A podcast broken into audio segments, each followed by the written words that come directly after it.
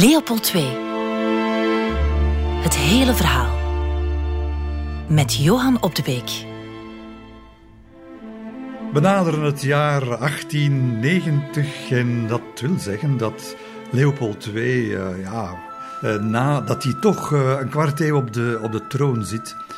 Um, en de troon, dat betekent de troon van België en natuurlijk die van de Congo-vrijstaat. En ja, van vandaag de dag is dat zo een beetje uit de geesten verdwenen. Congo, dan denken we aan Belgisch Congo.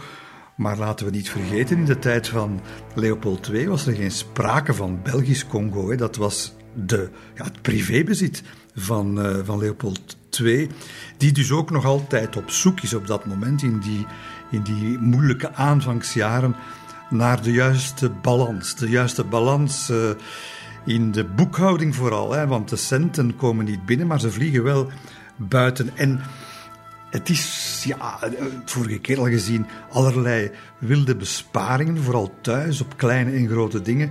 Maar hij, hij, trekt het, hij trekt het niet meer. En hij hoopt met die nieuwe eerste minister, de katholiek Bernard, een sterke politicus, maar toch ook een die, uh, ja, die zijn postje te danken heeft aan Leopold en die uh, wel door één deur kan met de vorst, dat dat financiële probleem misschien kan uh, ja, verholpen worden. En hoe dan wel? Wel door iets te doen wat eigenlijk niet hoort, omdat het bij de afspraken uh, hoort van de, van, ja, van de toestemming die de Belgische politiek heeft verleend om die twee kronen te dragen. Namelijk dat hij nooit, de koning, dat hij nooit steun gaat vragen voor zijn Congolees project. En wat doet hij? Wel, hij gaat toch op een dag in Laken met Bernard aan tafel zitten. En um, daar komt de onkieze vraag naar boven: kan België mij toch niet wat geld lenen? Ja, Bernard die strijkt even ongemakkelijk langs zijn lange bakkenbaarden. Die weet natuurlijk ook dat. Uh, financiële steun van de Belgische belastingbetaler naar, naar, naar dat het vreemde en, en verre Congo-project versluizen, dat is absoluut niet evident. Hè. Beloftes die moeten nagekomen worden. Ja, maar de kachel moet roken natuurlijk daar in Congo. En ja, 25 miljoen moet hij hebben. dat is een kolossaal bedrag in die tijd.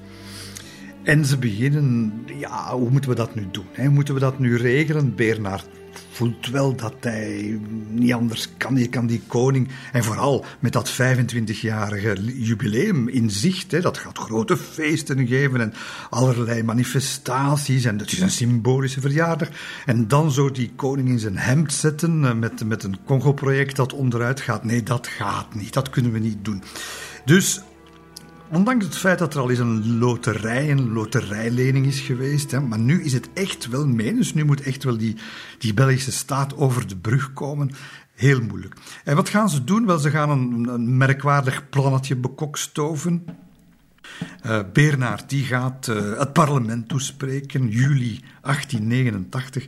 En uh, dat zal toch wel een vrij merkwaardige, gedenkwaardige zitting worden, want hij komt daar met die opzienbare mededeling: de Congo-vrijstaat ja, moet geld krijgen, maar na zijn dood zal Congo door de koning aan België worden afgestaan. Hij bevestigt dat in zijn testament.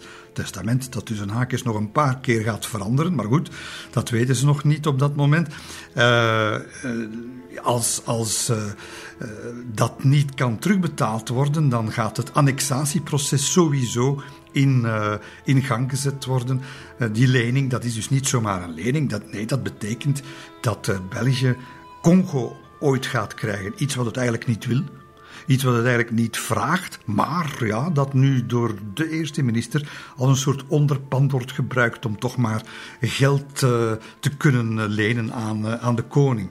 Um, en, en, en die koning, ja, wat stelt hij daarvoor in de plaats? Stel nu dat hij, wat, wat niet geheel onmogelijk zal blijken te zijn, maar stel dat hij nu later daarop terugkomt en zegt van ja, maar ik wil toch maar Congo houden.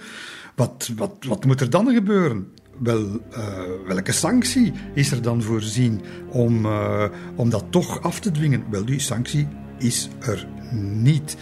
En dus dat, dat betekent dat je daar zeer een ongelijke deal aan het sluiten bent als eerste minister.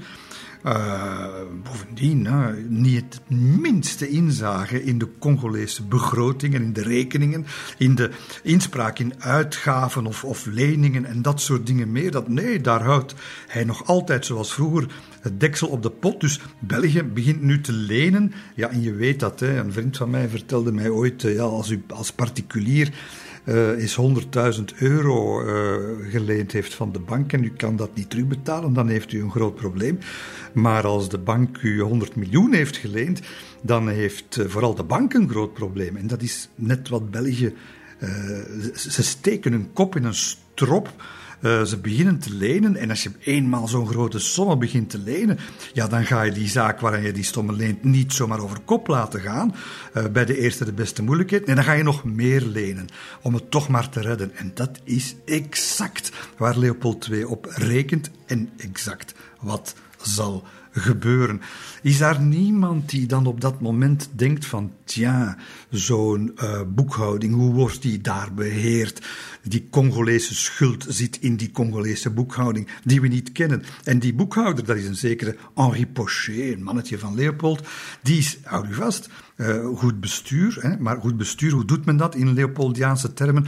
Wel, meneer Pochet is tegelijkertijd de, de, de boekhouder, hij is de kassier en hij is eigenlijk nog, hij is zijn eigen rekenhof ook nog eens. Hij controleert wat hij zelf doet.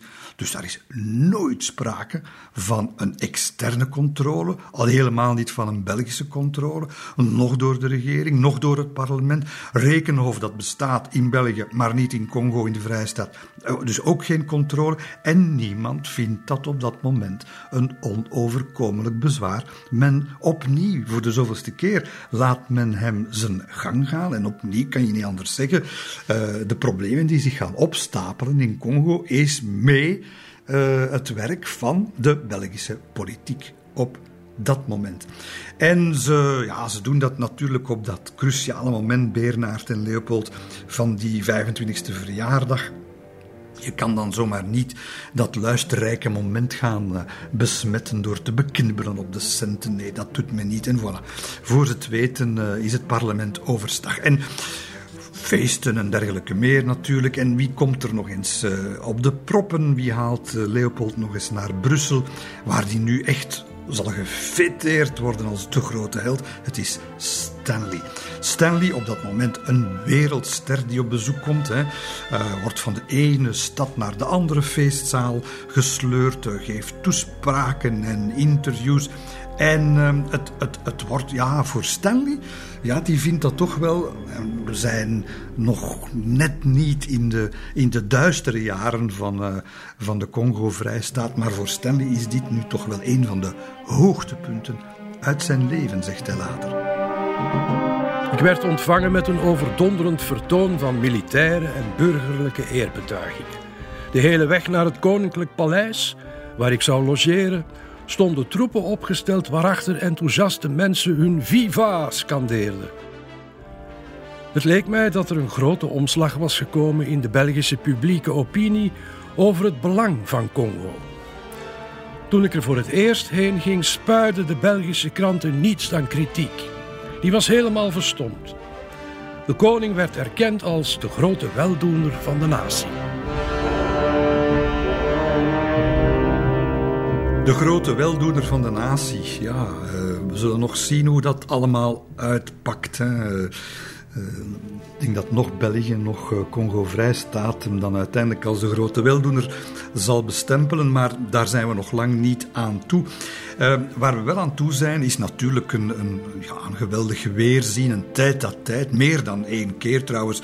een stuk of tien keren gaan ze daar in Leopolds werkkamer in het paleis uh, mekaar spreken. Stanley en zijn baas, moet je nog altijd zeggen, hè, want hij werkt nog altijd voor, uh, voor Leopold II. Ze, zijn, uh, ze zitten tegenover elkaar. Het is drieënhalf jaar geleden trouwens dat ze elkaar nog, nog hier gezien hebben. En Stanley zegt er eigenlijk niks veranderd. Er was niets veranderd behalve wij beiden. De prachtige bruine baard van de koning was grijs geworden van oor tot oor.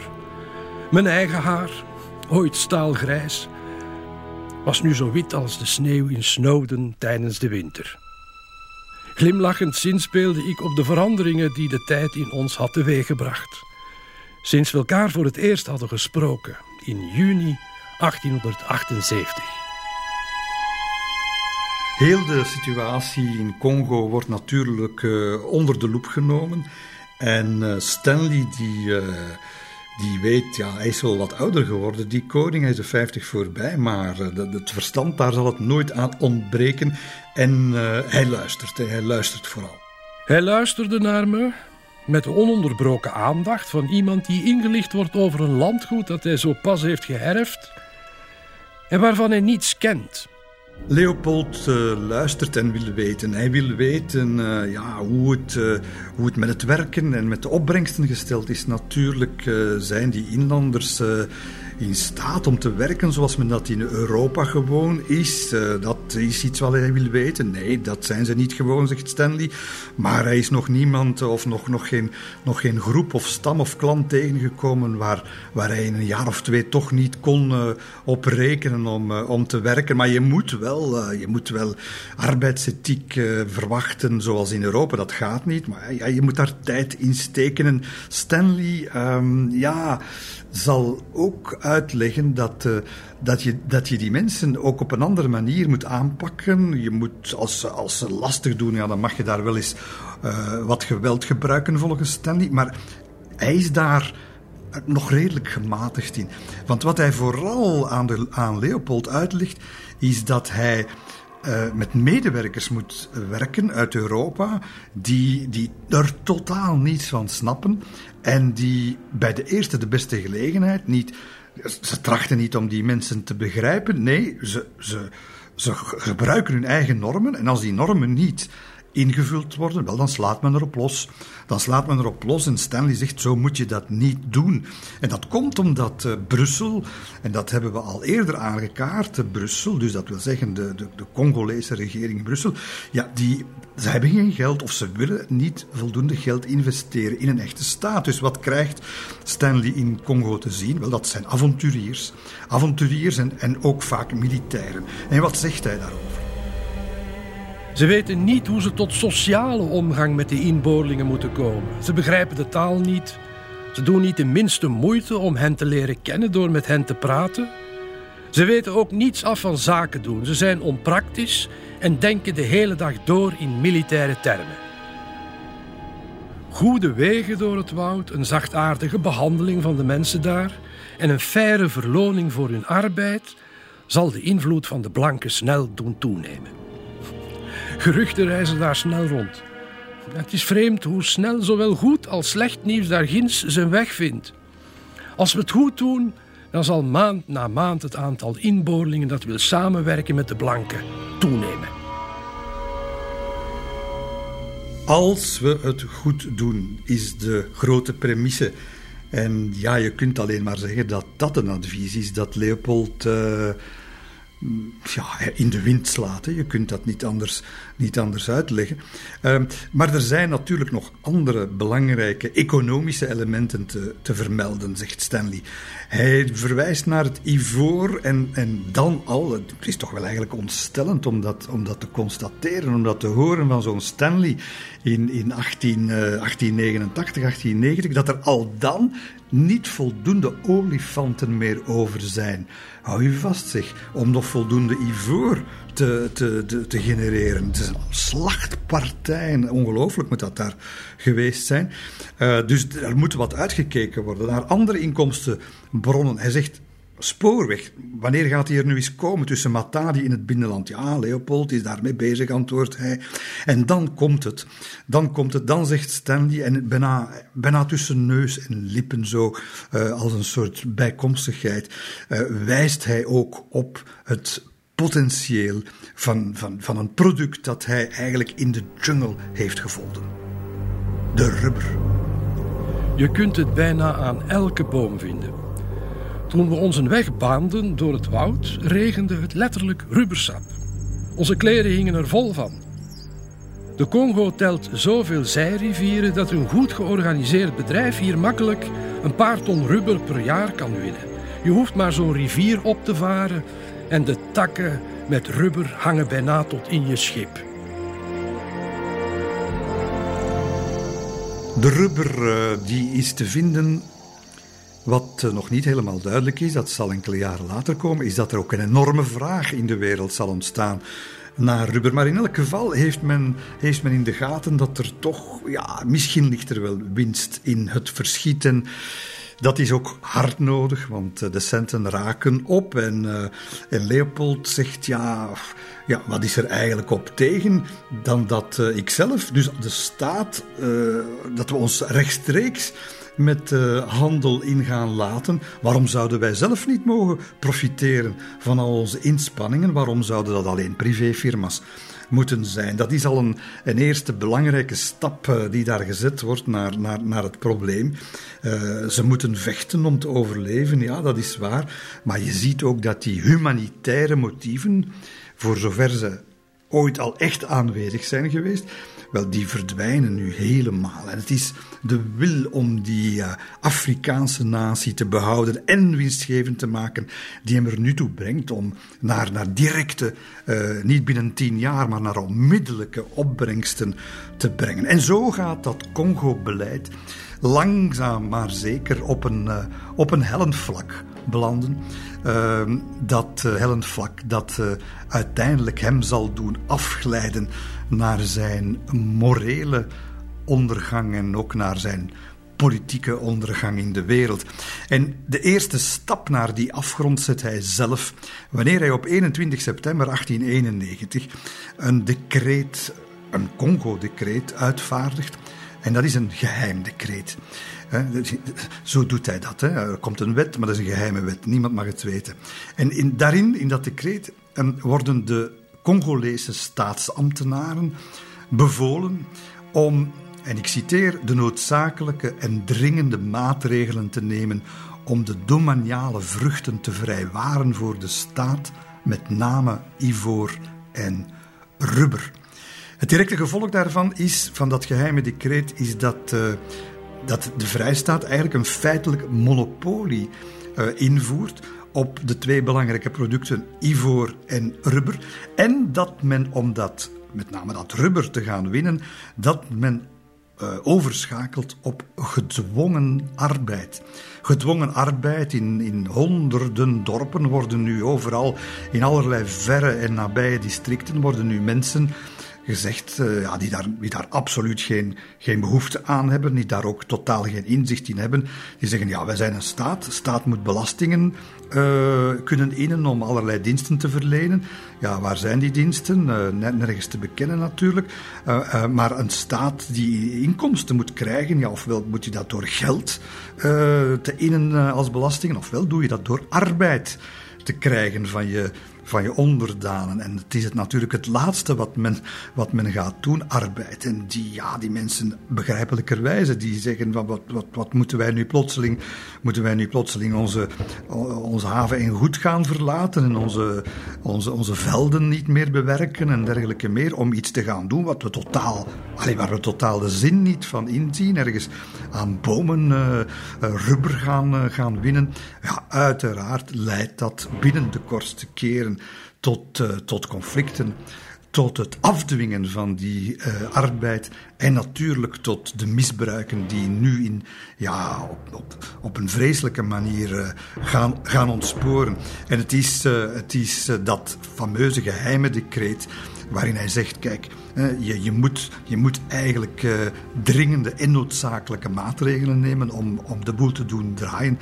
Ja, we moeten ons geen illusie maken hoe die ambtenaren, als je ze zo mag noemen, daar in verre streken hoe ze dat interpreteren. Vooral, vooral als je dan daarbij bedenkt dat die ambtenaren verloond worden op een nogal karige manier. Hè, want ja, er is geen geld.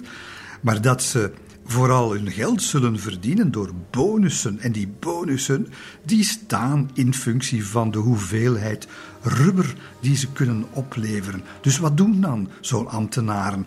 Nauwelijks gecontroleerd, soms rechter en partij tegelijkertijd.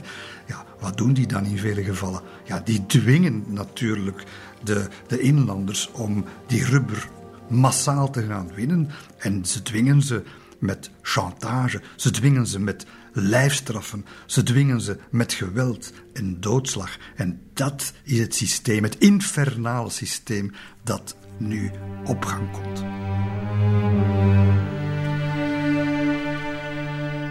En we zijn niet eens in, uh, in volle industriële ontplooiing, want uh, rubber dat is iets wat eigenlijk pas in 1890, 1895 echt gevraagd wordt wanneer Dunlop en dan Michelin en dergelijke meer uh, banden beginnen te maken. Uh, de auto begint overal zijn opwachting te maken. Daar zijn natuurlijk rubberbanden voor nodig. Nee, we zijn, nog, we zijn, we zijn daar zelfs nog niet. Het is nog een bescheiden uh, vorm van, van inkomsten. Maar natuurlijk, naarmate dat, dat dat de melkkoe zal worden voor de, voor de vrijstaat, zal het, zal het allemaal nog veel erger worden. Nu, we weten dat de Congo-staat, dat die, dat die ja, zichzelf niet kan bedruipen, dat uh, Leopold er eigenlijk ook veel te weinig geld kan, wil insteken. Ja, dus wat doet hij? En dat is de, de, de derde uh, stap richting, uh, richting de aberratie. Dat is dat hij op een bepaald moment besluit om een aantal gebieden te gaan toewijzen aan uh, privémaatschappijen, die namens de staat eigenlijk de exploitatie, de economische exploitatie van die, van die provincies of, of die districten uh, kunnen, uh, kunnen runnen. En dat zijn, dat zijn ja, zakenlieden uit België, meestal, die daarin zitten. En dat, ja, dat is de zomer van 1891 bijvoorbeeld, de Société Anversoise du Commerce au Congo, kortweg de Anversoise genoemd. Uh, later komt daar de Anglo-Belgian India Rubber and Exploration Company bij, ofwel ABIR. Dat zijn twee firma's waar Leopold een uh, financieel belang in heeft, maar waarin vooral de, de, de, de, zaken worden bestierd door commerciële vrienden, meestal uit het Antwerpse zakenmilieu. Dat zijn mensen als Alexandre de Brun de Tiège, uh, dat zijn Alfred Osterriet. Uh, dat zijn Arthur van de Nest. Ja, dat soort grote namen, Edward Bunger, dat soort mensen die samen met de liberale burgemeester Jan van Rijswijk, die toch wel zo die, die cluster van, van grote zakelijke belangen uh, uitmaken daar in het Antwerpse. En zij zijn het die eigenlijk de zeer ruime ontginningsrechten gaan krijgen en in ruil daarvoor een deel van hun winsten zullen afstaan aan de, aan de Congo-staat. Maar die twee firma's, die krijgen, die krijgen niet alleen die exploitatierechten. Bovendien krijgen ze ook administratief, uh, het recht op administratief toezicht. En eigenlijk zelfs de politionele bevoegdheid om daar orde en wet tussen grote aanhalingstekens te, te, te, te, laten, te laten gelden. En het zijn met name in de concessiegebieden van de Abier en van de Anversoise dat we in de volgende jaren werkelijk de echte gruwel zullen zien plaatsvinden in de gebieden waar er eigenlijk van een staat nu helemaal geen sprake meer zal zijn. Uh, het was, let op, in, in het gebied dat Leopold voor zichzelf reserveerde, in het zogenaamde kroondomein, ging het er ook hard aan toe. Maar in die, uh, in die exploitatiedomeinen van die, van die Antwerpse zakenfirma's is het, moet, moet het verschrikkelijk geweest zijn.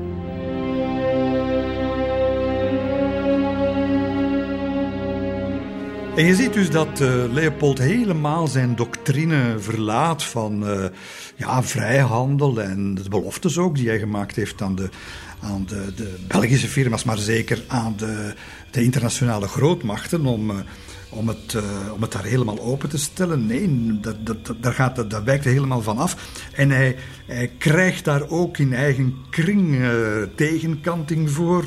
Topdiplomaat Lambermont die vindt dat niet zo, eh, niet zo goed. Uh, Hubert van Neus, de, De financieminister van de Vrijstaat uh, is er niet mee eens. Beernaert, de eerste minister, die, ja, die, die vindt het ook niet goed. Uh, en de meest kritische van, van alle Leopoldisten, zal ik maar zeggen, is Emile Banning. Uh, een, een, oude getrouwe die van, van, van, enkele tientallen jaren geleden eigenlijk al in het verhaal ingestapt is. Maar die, die, die, die is eigenlijk verbijsterd over, over wat er zich nu aan het afspelen is. Let op, ze weten nog niet eens, op dit moment, ze weten nog niet eens wat de misbruiken zijn, hoe erg die wel zijn in, uh, in Congo. Maar het, het idee van wat, daar nu, uh, wat, wat zich daar nu aan het afspelen is, dat idee alleen al, dat is, uh, dat is zeer bezwaarlijk. En hij zegt dat ook, die banning, dat is misschien de enige die zijn mond durft open doen op dat moment. Hij zegt dat ook letterlijk aan zijn baas. De doctrine van staatseigendom van land die sinds 1890 tot stand komt, is het exacte tegendeel van vrijhandel. De nieuwe doctrine is verwerpelijk en gaat zowel in tegen de natuurlijke rechten van de inheemse bevolking, die werkelijk ontgriefd zal worden, als tegen de rechten van mogendheden, zoals bepaald in de Akte van Berlijn.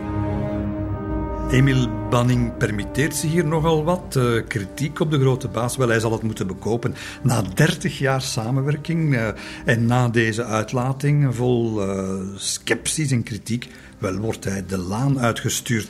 En het is, het is niet de enige. Hè. achtereenvolgens op, op Binnenlandse Zaken, op de, de Vrijstaat.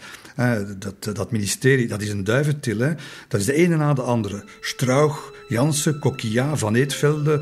Uh, het is nooit goed. En Thijs, Albert Thijs, dat was, dat was een van de nauwste medewerkers van, uh, van de koning. Die, uh, die nu zakenman is geworden, die ook geweldige inspanningen heeft gedaan in Congo. Uh, met name om spoorwegen aan te leggen. Maar nu uh, grote zaken doet ook in Katanga. Wel, die snoeihard voor zijn vroegere baas. Uh, die, die, ja, die, die zegt waar het op staat. Hij claimt alle successen en wijt de mislukkingen aan anderen. Hij aanvaardt geen kritiek meer en eist onvoorwaardelijke gehoorzaamheid aan zijn bevelen. Zijn oordeel moet het oordeel van allen zijn. Zijn logica moet die van zijn medewerkers zijn. Zijn geweten moet het geweten van anderen zijn. Hij is het zo gewend om bij zijn medewerkers elke tegenstand of gevoeligheid te verbrijzelen dat hij hen alles durft te vragen. En waarom zijn ze allemaal zo kritisch aan het worden? Of, een aantal toch?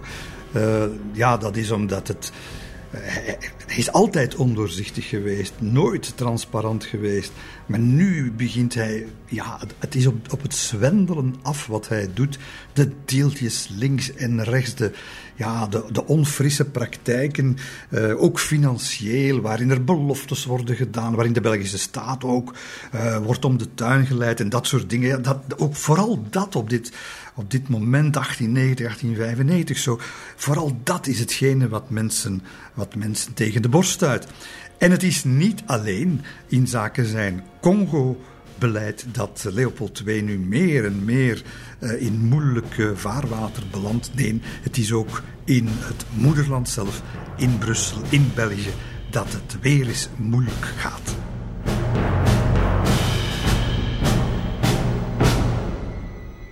Leopold II, het hele verhaal.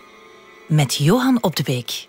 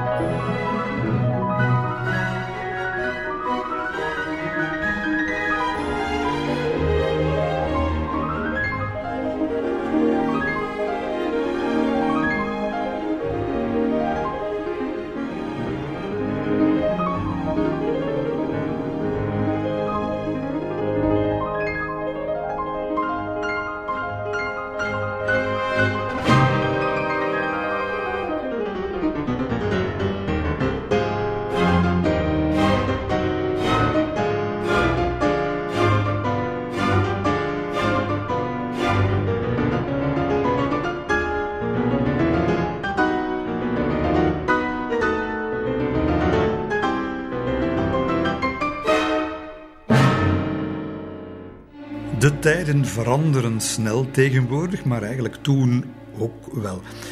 Uh, het is vakantie, augustus 1890. Het is vakantie ook voor Leopold, want hij is op verlof in Oostende en uh, zit daar naar de zee te turen, wachtend op zijn gekookt eitje.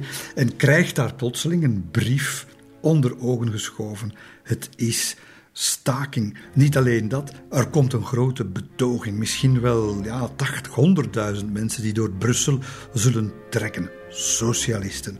Socialisten, en het zijn uh, mannen als uh, Volders, zijn grote criticaster, Amselen, uh, dat, de, de, man uit Gent, en, en vele anderen die hem de wacht aanzeggen en die zeggen: Kijk, wij, wij willen die politieke vertegenwoordiging. We hebben het er vorige aflevering al over gehad. Dat algemeen stemrecht, ze hebben het geprobeerd, het is mislukt, maar daar zijn ze natuurlijk terug. Het is logisch dat de Belgische Werkliedenpartij, de BWP, dat die dat willen, dat stemrecht natuurlijk, want in, in dat Seinski-stelsel komt hun, hun klasse, hun achterban, de arbeidersklasse, op geen enkele manier aan bod. In het parlement bestaan ze niet en dus algemeen stemrecht. Als, als de socialisten iets willen veranderen in België, ja, en dat niet willen doen met een gewelddadige revolutie, dan is het parlement, het stemrecht, het algemeen stemrecht, de eerste prioriteit. Een eis die voor elke gewone mens fair, logisch, eerlijk, noodzakelijk lijkt, die de massa in beweging brengt. Maar die Leopold in staat van grote paraatheid brengt. Het eerste wat hij doet is niet nadenken hoe kan ik dat politiek oplossen, maar hoe kan ik dat repressief oplossen. En meteen in de pavillon de Stande gaat hij op 10 augustus 1890 in zijn pen klimmen en de ministerraad aanschrijven. Pavillon d'Ostende, 10 augustus 1890. Cher ministre, men vertelt dat de regering speciale treinen ter beschikking heeft gesteld van de arbeidersmanifestatie die de rode vlag door onze straten gaat dragen. Deze betoging heeft een dubbel doel. Ten eerste het intimideren van de regering en de hogere klassen. Ten tweede het oefenen en organiseren van diegenen die, eenmaal ze sterk genoeg staan, onze sociale orde en onze instellingen omver willen werpen. Het is niet aan de staat om dit soort zaken te faciliteren. En u zult zich hopelijk herinneren dat u me herhaaldelijk beloofd heeft om te verbieden dat men rode vanen door de straten voert. Het symbool van de aanval die tegen onze samenleving op til is. Ik wens u, beste minister, een goede reis toe en hopelijk ook goed weer. Ik van mijn kant zal enkele dagen in Schotland verblijven. U zeer toegewijde en zeer genegen Leopold. Schotland, uh, wat is hij daar gaan doen? Ik weet het niet. Vliegvissen of met uh, zijn, uh, ja, zijn familie en, Bertie, ook de vrouwenliefhebber. Ik weet het, ik weet het bij God niet. Maar Schotland in elk geval in augustus is veel leuker dan in december. Dat kan ik u wel verzekeren. Maar uh, Schotland of niet, het is Brussel natuurlijk wat hem nu, uh, wat hem nu uh, ja, doet, doet, doet, niet doet twijfelen, maar vooral wat hem zeer ongerust maakt. De rode vaan die door de grote steden trekt. Voor hem is dat ja, het, het, het, ja, en die, die stadsbesturen, hè, die dan in zijn ogen wijfelen, doen alsof hun neus bloed. Voor hem is dat allemaal heel duidelijk. Hè. De socialisten die willen niet zomaar het stemrecht, maar die willen gewoon uh, het regime zelf omverwerpen. Hè. En dus, ja, daar is maar in zijn ogen één methode voor. Hè. Dat is de politie en desnoods, desnoods het, het leger inzetten. Hè. Het leger moet zijn werk doen. En dat bijt hij zijn ministers nu sissend toe. En ja, eerste de beste regeringsraad waar hij dat komt vertellen. Men zit daar naar zijn papieren te kijken of naar, zijn, naar de typen van hun schoenen. Maar, maar uh, ja, het is de enige die durft nee zeggen, is Beernaert. De eerste minister die ja, toch wel een pak meer... Ja, Leopold II was geen domme hoor, hoor, wat betreft politiek, maar Beernaert toch wel slimmer. En het is Beernaert die eigenlijk zegt... Uh, ja, dat, luister eens hier, dat, die, die herziening van dat kiesstelsel... Ja, de tijd vraagt erom. Dat is eigenlijk onvermijdelijk. En ik denk, zegt Bernard, en dat is slim gezien, het is beter, zegt hij, om de herziening door te voeren dan ze te ondergaan. Jazeker, die schrandere staatsman, die ziet in hoe gevaarlijk het is uh, deze buitenparlementaire actie, hoe gevaarlijk dat is voor, ja, voor het, inderdaad, voor het voorbestaan van het uh, regime. En hij weet ook wat je dan moet doen. Je moet zorgen dat buitenparlementaire actie, dat dat binnenparlementaire actie wordt. Dat je ze met andere woorden inkapselt in het systeem in plaats van ze buiten te laten staan. En dan ja, ongecontroleerd, wie weet wat er dan gebeurt. Ja, dat, dat is wat Bernard denkt, dat is niet wat Leopold denkt. Die, die zit helemaal op de, op de harde lijn. Uh, die, die maand aan, inlichtingen verzamelen, de menners van de revolte in kaart brengen. Uh, onderzoek maar in hoeverre, in hoeverre daar buitenlandse inmenging mee gemoeid is en dat, dat soort dingen meer. Daar, daar is hij mee bezig, roept dan de minister van Oorlog bij zich. Stel u voor, over het hoofd van de eerste minister uh, is dat minister Pontus van Oorlog, was ook een scherpslijper. En daar uh, zitten ze samen uh, in Laken uit te rekenen op een velletje papier hoeveel troepen er eigenlijk zijn. ja, bijna 30.000. Hij stel u voor, men is daar dus echt serieus aan het nadenken. Uh, ja, oké, welke regimenten gaan we hier morgen laten, laten schieten op de betogers en de, en de stakers? Hè? Gelukkig, ja, er zal geschoten worden, maar gelukkig zal het niet zo'n vaart lopen. Voorlopig nog niet, want wat zegt hij ook, uh, uh, Leopold? Die zegt, ja, de neutrale zone rond het paleis en het parlement...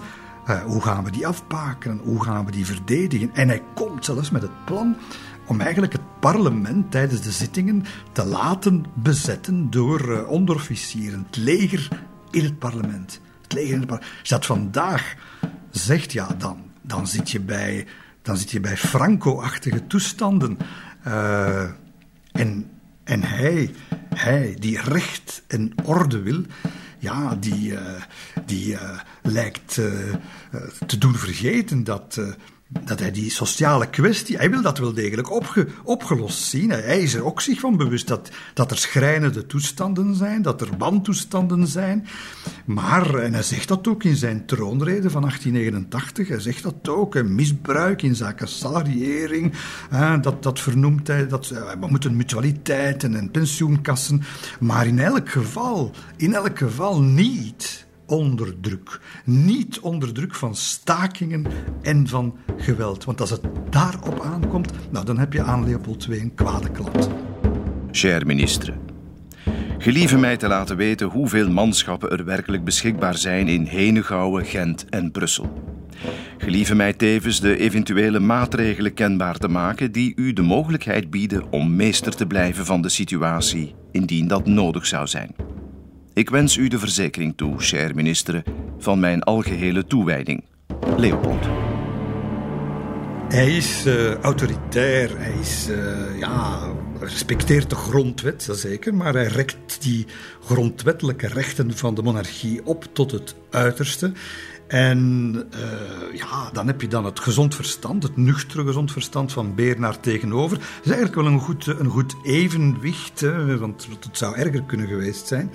Maar wat, wat moeten ze doen? Schieten of hervormen? En het is Bernard die het uiteindelijk toch wel meer zal halen. Ook Leopold beseft dat ook wel. Hij gaat wel stilletjes aan die egelstelling verlaten. Uh, repressie, ja, dat zal de klok toch niet meer kunnen terugdraaien. En, en hij gaat mee. Maar hoe gaat hij mee? In zijn klassieke zakelijke onderhandelingsstijl. Hè. Leopold II, dat is niet iemand die iets toegeeft. Dat is iemand die iets uh, bedisselt. Die een onderhandeling, onderhandeling, dat is geven en nemen. En wat wil hij krijgen? Wel, hij tracht een reeks voorwaarden aan de grondwetsherziening vast te knopen die tot dat, uh, tot dat algemene kiesrecht zal leiden. En hij zegt, uh, ja kijk, ik wil ook het grondwettelijk uh, mogelijk maken dat België zijn grondgebied kan uitbreiden. Denk hier maar natuurlijk aan Congo, denk maar ook aan China, waar hij, waar hij of delen van China, waar hij nog altijd uh, naar aan het kijken is. en ook andere voorwaarden. Politie moet meer uh, armslag krijgen om straatprotesten de kop in, in te slaan. En dan tenslotte ook nog ja, uh, dingen die hem privé, of die hem, beter gezegd, die hem, ja, die hem persoonlijk zeer sterk aanbelangen. Dat is uh, garanties in verband met het vermogen, het familievermogen van de Saxen-Coburgs en de koninklijke huwelijkspolitiek. Dat moet, dat moet helemaal bij hem zitten. Daar, mag, uh, daar moeten uitzonderingen, als hij het nodig heeft, mogelijk zijn. En dan, zeer belangrijk voor hem, hij wil de koninklijke macht grondwettelijk versterkt zien. En hoe wil hij dat? En dat is iets wat toch ook wel een rode draad zal zijn tot en met die donkere, die andere donkere periode uh, in de Tweede, of net voor de Tweede Wereldoorlog met de autoritaire Leopold III. Uh, wel, dat is het koninklijke referendum. Met andere woorden, als, uh, als hij het niet, niet eens is met wat het parlement goedkeurt, dan kan de koning het volk vragen om dat te toetsen, om dat eventueel ja, af te wijzen. En dan kan hij met een koninklijk vetorecht een wet gewoon, een, democratisch gestemde wet, uh, eruit zwieren. Ja, dat, dat is iets waar parlementairen natuurlijk onrustig van worden en op hun banken rondschuiven. Maar hij gaat jarenlang proberen om dat referendum erdoor, erdoor te krijgen. Een beetje als pasmunt uh, voor, uh, voor dat algemeen stemrecht. Maar ondertussen, terwijl hij toegevingen doet, of veinst misschien dat hij ze doet, blijft de repressie van de revolte aan de orde. Ik draag de minister van Oorlog op om de gendarmerie in Brussel te versterken, om de adressen en gewoonten te kennen van de volksmenners en om te trachten aan de weet te komen wat er op til is. Mij wordt gezegd dat de betogingen, die slechts bedoeld zijn als intimidatie en als voorbereiding, in een onbewaakt ogenblik kunnen omslaan in iets anders. Als ze eenmaal iedereen op straat hebben, zal men de regering aanvallen. Welke maatregelen heeft u genomen om zo'n verrassingsaanval het hoofd te bieden? Hebben de regimenten het marsorder gekregen om zich uit eigen beweging naar de Wetstraat en de boulevard te begeven? Waar het in de zomer moeilijker is om soldaten op te roepen, zullen ze nu eerder tevreden zijn. Werken in de open lucht is nu toch onmogelijk. Als ik u was, zou ik geen minuut aarzelen om hen op te roepen. De verantwoordelijkheid is te groot. U bent niet beschermd tegen een incident en u zult het hoofd moeten bieden aan een formidabel oproer. Geheel de uwe, Leopold. Ja, de druk eh, op het, uh, op het systeem is enorm. Hè. Havens die plat gaan, de haven van Antwerpen, dokwerkers, uh, brandstichtingen, overal decreet, uh, grève générale, algemene staking uh, is niet van de lucht. Ook in Vlaanderen, hè, en zeker ook in Antwerpen. Gent doet ook mee. dan nog maar niet te spreken van de Borinage en Charleroi en zo verder. En, en de druk is, is zo groot dat uiteindelijk de Kamercommissie, de bevoegde Kamercommissie in 91, 20 mei 1891, het principe eindelijk gaat goedkeuren van die grondwetsherziening, met name daar waar het het uh, zijnsrecht aangaat. En wie dat allemaal uit de kranten moet vernemen, is de koning. Dat is niet zijn gewoonte, hè, om belangrijke beslissingen uit derde hand te moeten horen. Woedend is hij, hij roept Bernard op het, op het matje. Hij zegt, ik ben helemaal buiten spel gezet. En het ergste van allemaal, het is een vernedering die hij hier moet ondergaan. De politiek heeft zijn voorwaarden volledig genegeerd. En met name dat voor hem zo belangrijke koninklijke referendum. Het is niet eens aan de orde geweest in het parlement. En hij is woedend en hij geeft zijn eerste minister een draai rond de oren. Château de Laken, 22 mei 1891. Cher minister. Ik betreur het bijzonder dat de regering, zoals ik uitdrukkelijk gevraagd had, van het koninklijk referendum geen conditio sine qua non maakt. Drie punten in het programma gaan de kroon direct aan. De mogelijkheid het grondgebied uit te breiden, het referendum en de prinselijke huwelijken. Deze kwestie had ik verwezenlijkt willen zien. Tijdens onze gesprekken zijn we hierover duidelijk geweest.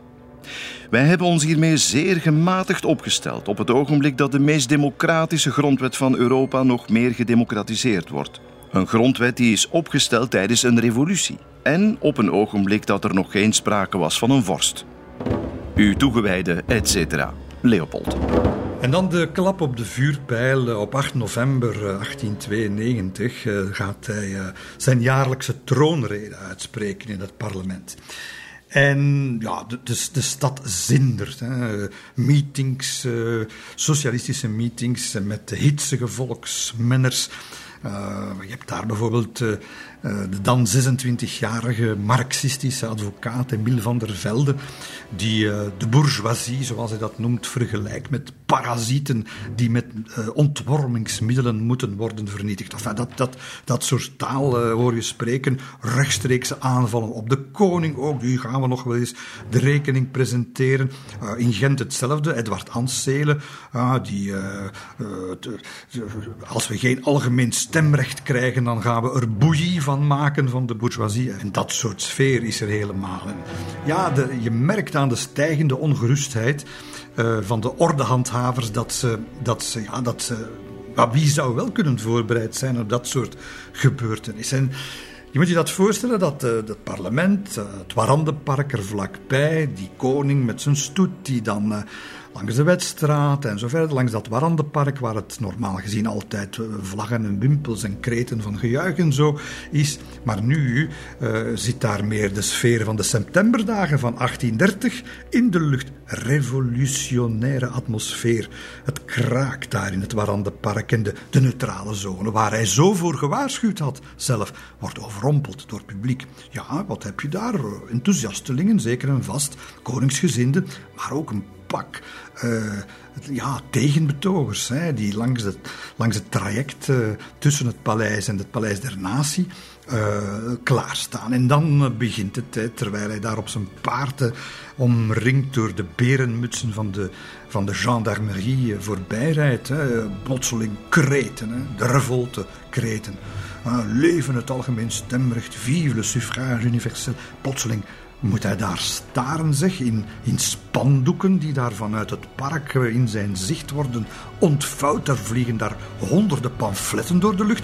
Uh, plotseling een hele vracht van die briefjes die recht in het gezicht van de koning worden, uh, worden gesmeten. Het paard van de koning schrikt zich te pleuris. Het begint te stijgeren. Ja, van statigheid en protocol is er nu helemaal geen Spaander meer. Heel de brede gendarmerie, die, ja, de, de zwaarden worden getrokken, men snel toe. Enfin, en in dat prettige sfeertje moet dus die koning nu uh, naar het parlement, hè, helemaal ondaan door die gebeurtenissen beklimt hij het spreekgestoelte. Men uh, het geroezemoes versterft in de kamer. Hij, uh, hij bewaart zijn spreekwoordelijke kalmte natuurlijk. Hij begint aan zijn reden. En bam, het begint opnieuw.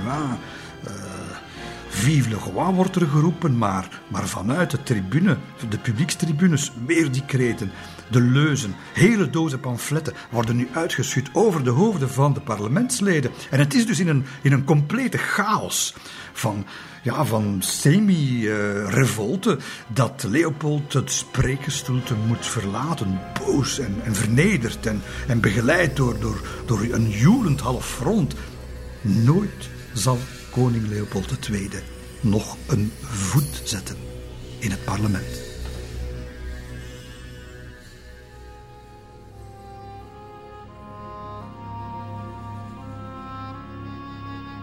Zo bereiken we dan uh, april 1893 en uh, nu zitten we al zover dat het, uh, ja, het Seinski-stelsel voorgoed naar de middeleeuwen is verwezen en dat premier Bernard, de koning, kan komen melden dat er een doorbraak is. Er is nog geen algemeen stemrecht, zeker geen zuiver algemeen stemrecht, maar wel algemeen meervoudig stemrecht voor mannen. Betekent toch wel, het is lang nog niet de democratie die we vandaag hebben, maar het betekent toch wel dat je van 46.000 kiezers in één klap naar 1.370.000 kiezers gaat. Meervoudig stemrecht betekent evenwel dat belastingbetalers of houders van een diploma van hoger onderwijs, dat die één of twee uh, stemmen meer kunnen uitbrengen dan bijvoorbeeld ongeschoolde arbeiders. Nu, je kunt nooit goed doen voor iedereen, zo is dat, hè, zeker in zo'n gevoelige kwestie. De katholieke rechterzijde uh, zijn woest, zijn ziedend, veel te revolutionair die hervorming, maar de socialisten aan de linkerzijde, die vinden dat helemaal niet uh, verregaand genoeg. En dus in uh, hun beste stijl gaan de voormannen van de BWP een buitengewoon congres bij elkaar roepen en daar zal Anselen er tegenaan gaan. We zijn klaar voor de sociale revolutie op voorwaarde dat het volk ons wil volgen. Wij zijn tot alles bereid, zelfs tot sterven. Ja, dat laatste blijkt in de praktijk nogal tegen te vallen, want een paar weken later dooft die staking uit. Niet omdat de stakers zijn gestorven, maar omdat hun geld, uh, hun geld is opgeraakt. Hè. Ze zijn niet goed vervoorraad en de moed uh, zakte in de schoenen en dergelijke. En dus ja, we gaan terug aan het werk. Niet overal, niet overal, want in Antwerpen uh, weer geweld, weer spoedoverleg op het paleis. Een loods met honderden, honderden balen katoen in Antwerpen in de fik, een kaarsfabriek in Borgerhout, uh, stakers die dood worden geschoten, uh, in, in, in, Bergen natuurlijk, in Mons ook. En dat zijn, ja, dat zijn naar Belgische normen, zijn dat toch echt wel bloedbaden. En dat, dat moet je dan ook nog eens zien tegen de achtergrond van, van een, een, een, revolte van socialistische zijde. Maar je hebt ook in het katholieke kamp heb je natuurlijk ook een, eh, een evolutie van het grootste belang. Dat is namelijk de christendemocratie die begint te ontluiken. Pieter en Adolf Daans in, eh, in Aalst. Maar, maar, maar, maar ook andere politici die, ja, die, die beginnen eh, te werken te ijveren, te propageren voor wat wij vandaag als christendemocraten En, en dat allemaal, dat moet mensen als, als een Woeste, zelfs een Bernard, maar zeker een Leopold II, totaal, totaal verbijsterd hebben. Ze, moeten dat, ze, hebben dat niet begrepen en ze hebben voortdurend ook gedacht, we krijgen dat wel opgelost met, uh, met wat uh, knip- en plakmaatregelen. Maar natuurlijk laat de geschiedenis zich wat dat betreft uh, heel moeilijk in een, in een plooi leggen. En ehm, ja, Sinds uh, het ontstaan van het land is die grondwetswijziging, september 1893, uh, eh, ja, de eerste, de eerste en de enige sinds, uh, sinds het België bestaat. de volgende verkiezingen, 14 oktober 1894, nauwelijks een jaar later, met dat algemeen meervoudig stemrecht. ja, dat is met een vertienvoudiging van, van de kiezers. Uh, waar, waar leidt dat toe? Hè? Dat, dat, dat, dat leidt dat uh, ondanks die hervorming de katholieke meerderheid eigenlijk stand houdt. En dat de kloppen vooral vallen bij de liberalen, die, die echt een, een opdoffer krijgen. Maar natuurlijk, voor het eerst gaan 28 socialisten hun intrede doen in de Kamer. Een historisch ogenblik.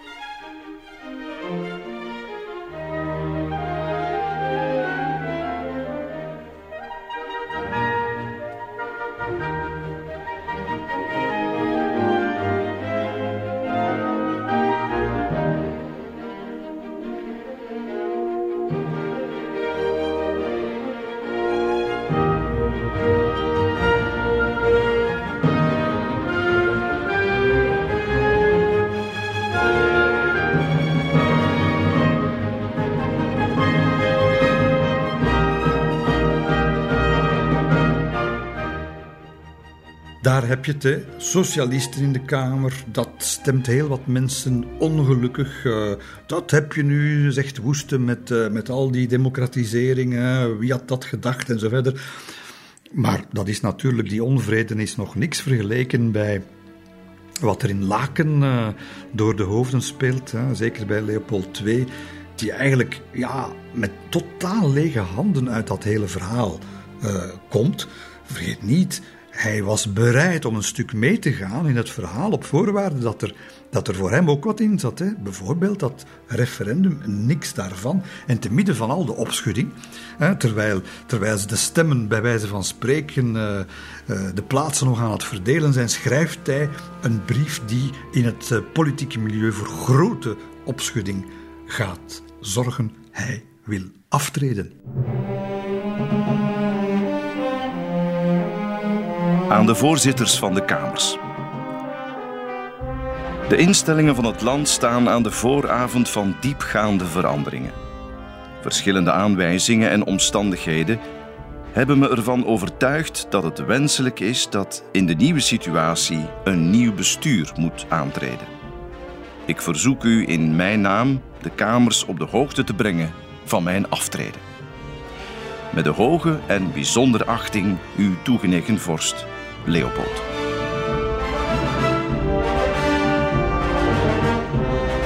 En in geheel Leopoldiaanse stijl uh, op die ontslagbrief, of zo gezegd, de ontslagbrief, schrijft hij dan nog iets.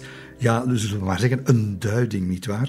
Uh, een, een soort een, een, een bitter toevoegsel op de achterkant van die brief. Men gaat de Kamer en de Senaat democratiseren. Men moet ook de monarchie democratiseren haar de mogelijkheid geven om, wanneer ze daar de behoefte toe voelt, een rechtstreeks advies te verkrijgen, steun bij het veranderende kiezerskorps. En ondertussen in Congo, ja, daar, daar is men volop bezig om een. Uh, ja, nou, bezig. De voorzichtige fundamenten worden gelegd om een moderne staat op te richten. Dan is centraal gezag onontbeerlijk. En om centraal gezag mogelijk te maken heb je natuurlijk een militaire macht nodig. En dat is de force het leger zeg maar, van, uh, van de Congo-vrijstaat. Ja. Waar staan die tegenover? Ja, je hebt naar schattingen 400 etnische groepen in dat Congo-gebied. Soms werken die samen, soms staan die elkaar naar het leven. Uh, je hebt uh, tribale conflicten en je hebt natuurlijk vooral die, die gewapende milities van de slavenhandelaars. En eigenlijk zijn die, zijn die de bazen. Eigenlijk zijn die veel talrijker, veel sterker, misschien niet beter bewapend, maar over het algemeen toch slagkrachtiger dan de force publiek, dan dat officiële leger. En ja, men, men, moet daar natuurlijk mensen voor hebben. En het, is, het is merkwaardig tussen haakjes dat uh, de Belgische staat, die ja, een akkoord heeft met Leopold II om uh, geen steun te geven, uh, nog financieel, nog anderszins. Nou, we hebben al gezien dat dat financieel al helemaal anders is gegaan. Maar ook militair maken zij het eigenlijk mogelijk, uh, de Belgische regering, tersluiks dat, dat er Belgische officieren gedetacheerd worden naar Congo. Ah, dus men men gaat geen leger sturen, maar men maakt het leger van, privéleger zullen we maar zeggen, van, van Leopold II in de Vrijstaat machtiger. Nu volstaat dat om met die fameuze Arabische slavenhandelaars de strijd aan te gaan? Wel, eigenlijk niet. Die voeren de ene plundertocht na de andere en dat gaat natuurlijk over ivoor, maar vooral over mensen. En dus ondermijnen ze, uh, die slavenhandelaars, het legitieme gezag van, uh, van die beginnende en, en, ja, eigenlijk nog niet bestaande staat. Het gezag, maar nog erger, ze beroven eigenlijk uh, de EIC, de, Vrijstaat, van de belangrijkste assets. Het ivoor, maar vooral mensen. Men, men rooft mensen. En ja, voor zover er al enige twijfel kon bestaan dat de Force Publiek daar zeker in die aanvangsjaren geen partij voor is, wel, uh, men, uh, men, zal moeten, uh, men zal heel omzichtig te werk moeten gaan. Ook al zijn er twee goede redenen voor Leopold II om met die slavenhandelaars en hun leger de strijd aan te gaan. Eén, de belofte om de slavernij uit te roeien, internationale belofte. En twee, ja, eh, als hij dat niet doet, dan is het gedaan met de, met de vrijstaat. Dus hij moet iets doen. En wat, wat zal, ja, en zo gaat de geschiedenis. Hè. Terwijl men natuurlijk in, in Europa uh, ja, uh, verwacht dat de slavernij wordt aangepakt, dat kardinalen en, en missionarissen daar daar natuurlijk morele kruistocht tegen voeren, moet je in, op het terrein, moet je in, uh, het, in Midden-Afrika, moet je natuurlijk schaken met de stukken die je nog over hebt op je schaakbord. En dat, is, dat leidt tot, tot zeer merkwaardige en, en controversiële bondgenootschappen. Want uiteindelijk zal Leopold II een, ja, een pact des duivels moeten sluiten. En met wie? Met de meest beruchte slavenhandelaar van allemaal, Tipo Tip. Een machtige Congolese Arabier, uh, sluw, uh, sterk bewapend. En het zal tot een koehandel komen. Want in februari 1887 eh, zal Leopold, en hij zal dat niet zelf natuurlijk doen, maar hij zal via Stanley zal hij een akkoord sluiten met die Tipo Tip opzienbarend eigenlijk. En daarom heb ik ook dat uh, akkoord, dat uh, uh, ja, met de hand geschreven document, ondertekend door Stanley namens Leopold II en door Tipo Tip, in, in mijn boek afgedrukt. Want het is toch wel wat. Hè? de tekst van dat akkoord stipuleert dat Tipo Tip zijn intussen blijkbaar legitimate private trade mag voortzetten. Geen slavenhandel, maar wel al, al het andere. Het staat er in het Westers handschrift en in Arabisch handschrift op, op dat uh, geregistreerd akkoord trouwens, dat in Zanzibar is gesloten. En Tipo Tip die kan zich wel uh, in de handen wrijven, want die zegt, ik, met die Belgen kan ik het eigenlijk wel goed vinden. Ik onderhield uitstekende relaties met alle Belgen en met alle handelsmaatschappijen. Iedereen bejegende me met veel respect. Ze luisterden naar me en volgden mijn instructies. En mijnerzijds deed ik mijn best om aan hun wensen te voldoen, zodat we het uitstekend met elkaar konden vinden.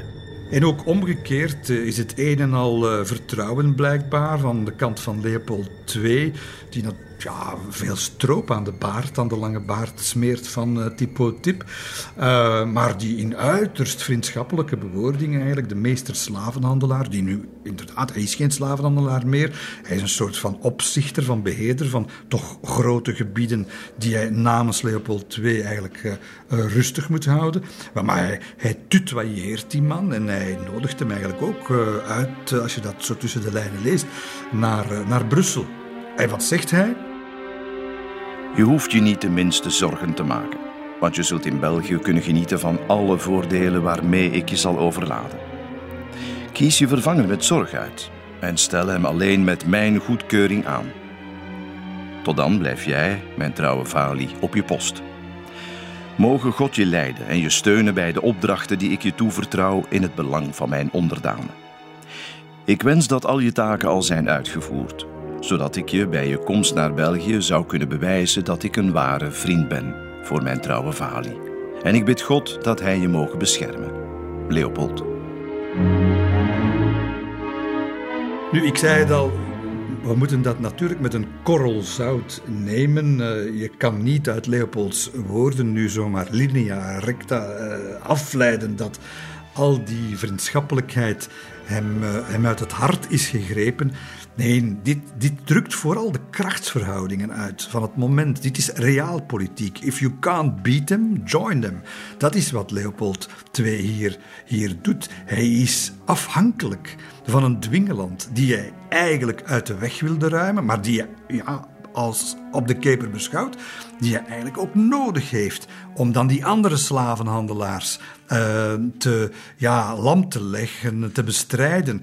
Uh, niet vergeten, Tipo Tip heeft een slavenstaat gecreëerd die vier keer zo groot is als België, waaraan de force publiek van Leopold II zich absoluut niet kan meten op dat moment. Dus hij, ja, hij maakt een pact. Hè. Hij maakt een pact uh, hand- en spandiensten staat tegenover dat, uh, dat hij sterker staat tegenover die andere slavenhandelaars. En dat hij ook wapens zal leveren aan Tipo Tip, wat totaal in strijd is met de eigen wetgeving. Maar dat is een kleintje hè, voor Leopold II. Hij is daar de baas. Het is een spel dat hij hier speelt van realpolitiek, eh, waarin er voor morele overwegingen absoluut geen plaats meer is.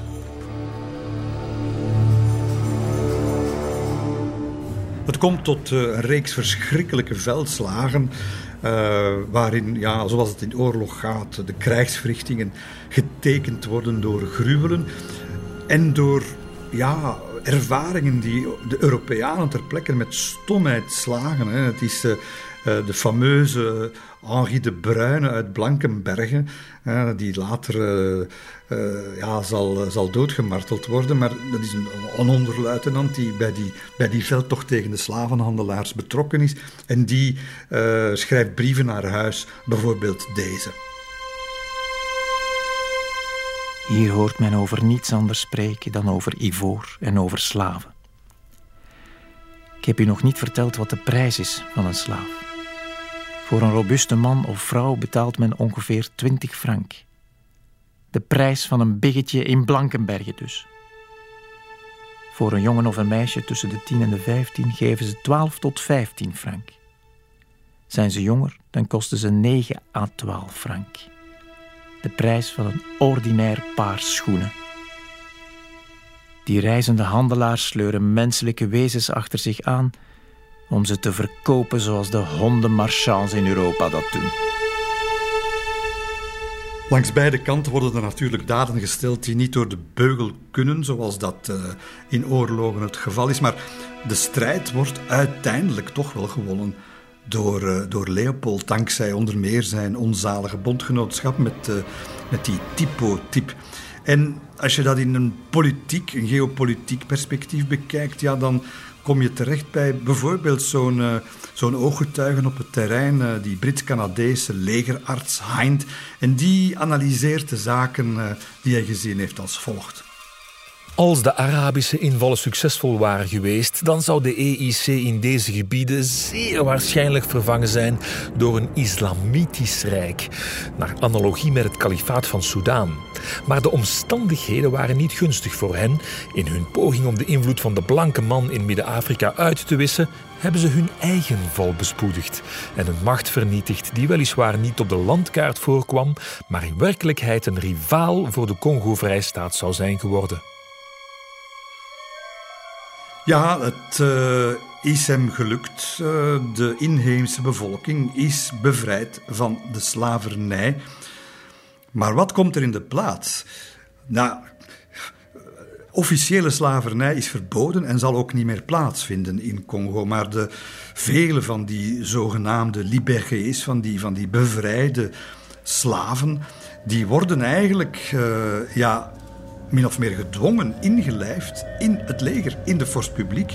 Of ze worden te werk gesteld, verplicht aan de spoorlijn tussen Matadi en Leopoldville en dat soort dingen. Dus ja, de conclusie uh, is dat, uh, de dat, dat de onafhankelijke Congo-staat aan de monding en meer in het binnenland uh, richting grote meren de zaken beheerst. Ja, dat is een, dat is een overwinning. Maar het heeft geldsommen gekost, weer geld gekost. En die schatkist van die, uh, van die vrijstaat, die is lek, die is bodemloos. Dat is een bodemloos vat geworden. En wat moet hij doen, Leopold II? Hij moet het onmogelijke doen. Hij moet geld toveren. Wel, het onmogelijke doen, dat is een opgave waar Leopold II nooit voor terugschrikt. Leopold II moet geld toveren. Hij draait dus elke frank twee keer om voor hij hem uitgeeft.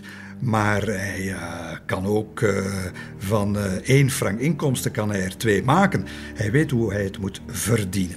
En dat zijn de, de, wegen die hij volgt, zijn zijn uh, velerlei. Het is een goed belegger bijvoorbeeld. Een goed belegger, uh, rendementen van staatsobligaties, uh, aandelen in spoorwegmaatschappijen, vastgoedoperaties in Laken, in Brussel, in Oostende, noem het maar op. En om soms de prijzen een beetje in de goede richting te doen gaan, schrikt hij ook niet terug voor, ja, we zullen het maar zeggen zoals het is, voor manipulaties. Bijvoorbeeld schrijft hij aan een medewerker over een over zo'n grond, dat hij, ja, we moeten zorgen, zegt hij, dat die verkoopprijs, dat, die heel, dat we die naar beneden krijgen. weet je wat je doet, zegt hij, ligt die notaris in dat er een, nogal een, grote servitude op die grond rust. want wat zal er dan gebeuren? Wel, niemand zal hem nog willen kopen, schrijft hij. En dan kan ik hem aan een, aan een fijn prijsje binnenhalen. Ja, dat is een van de methodes. Hè. Maar hij heeft natuurlijk ook zijn netwerk. Hè. Bankiers en zakenmensen uit het binnen- en het buitenland. En dan verneem je wel eens iets. Hè. Bijvoorbeeld interessante beleggingstips. Hij beschikt dan, ja, hij beschikt dan over wat we tegenwoordig voorkennis zouden noemen. En voorkennis, dat kan je hebben, maar wat is het probleem? Het, is, het probleem is als je die voorkennis ook gebruikt, en dat doet hij zonder problemen. Een brief aan zijn uh, medewerker Goffinet. Mijn beste generaal.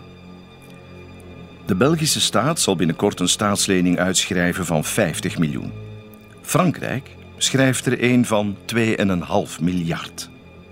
Gelieve aan Lambert te vragen u in kennis te stellen van de voorwaarden van de Franse operatie.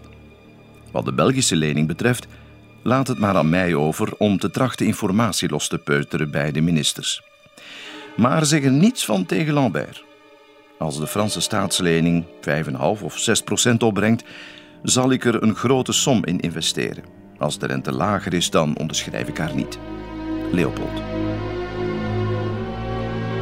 Dus het is duidelijk, de koning uh, gebruikte zijn relaties met bepaalde regeringsleden om zijn kapitaal uh, te laten renderen. En uh, ja, dat gebeurt ook bij grote investeringen in de spoorwegen. Hè. Als daar een bepaalde transacties tussen de Belgische staat en de banken op het getouw staat, dan weet hij weer meer dan de doorsneebelegger.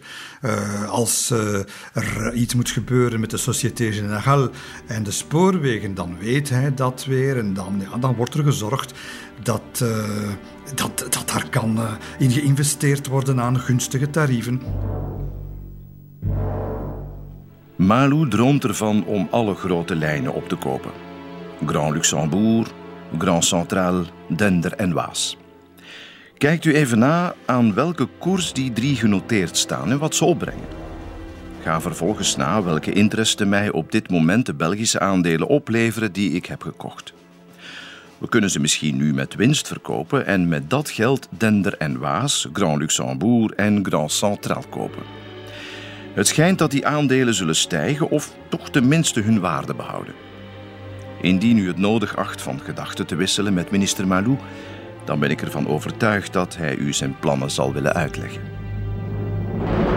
Maar hij vraagt eigenlijk soms dingen eh, die te ver gaan. Zelfs de, ja, de immer waakzame baron Goffin vindt dat het er tegen deze keer wel over is. En hij antwoordt op uh, datgene wat u net gehoord heeft, uh, Goffinet. zegt aan de vorst, dat lijkt me onmogelijk. Het spreekt vanzelf dat we niet de schijn mogen wekken dat we hem dit vragen om er zelf profijt uit te halen.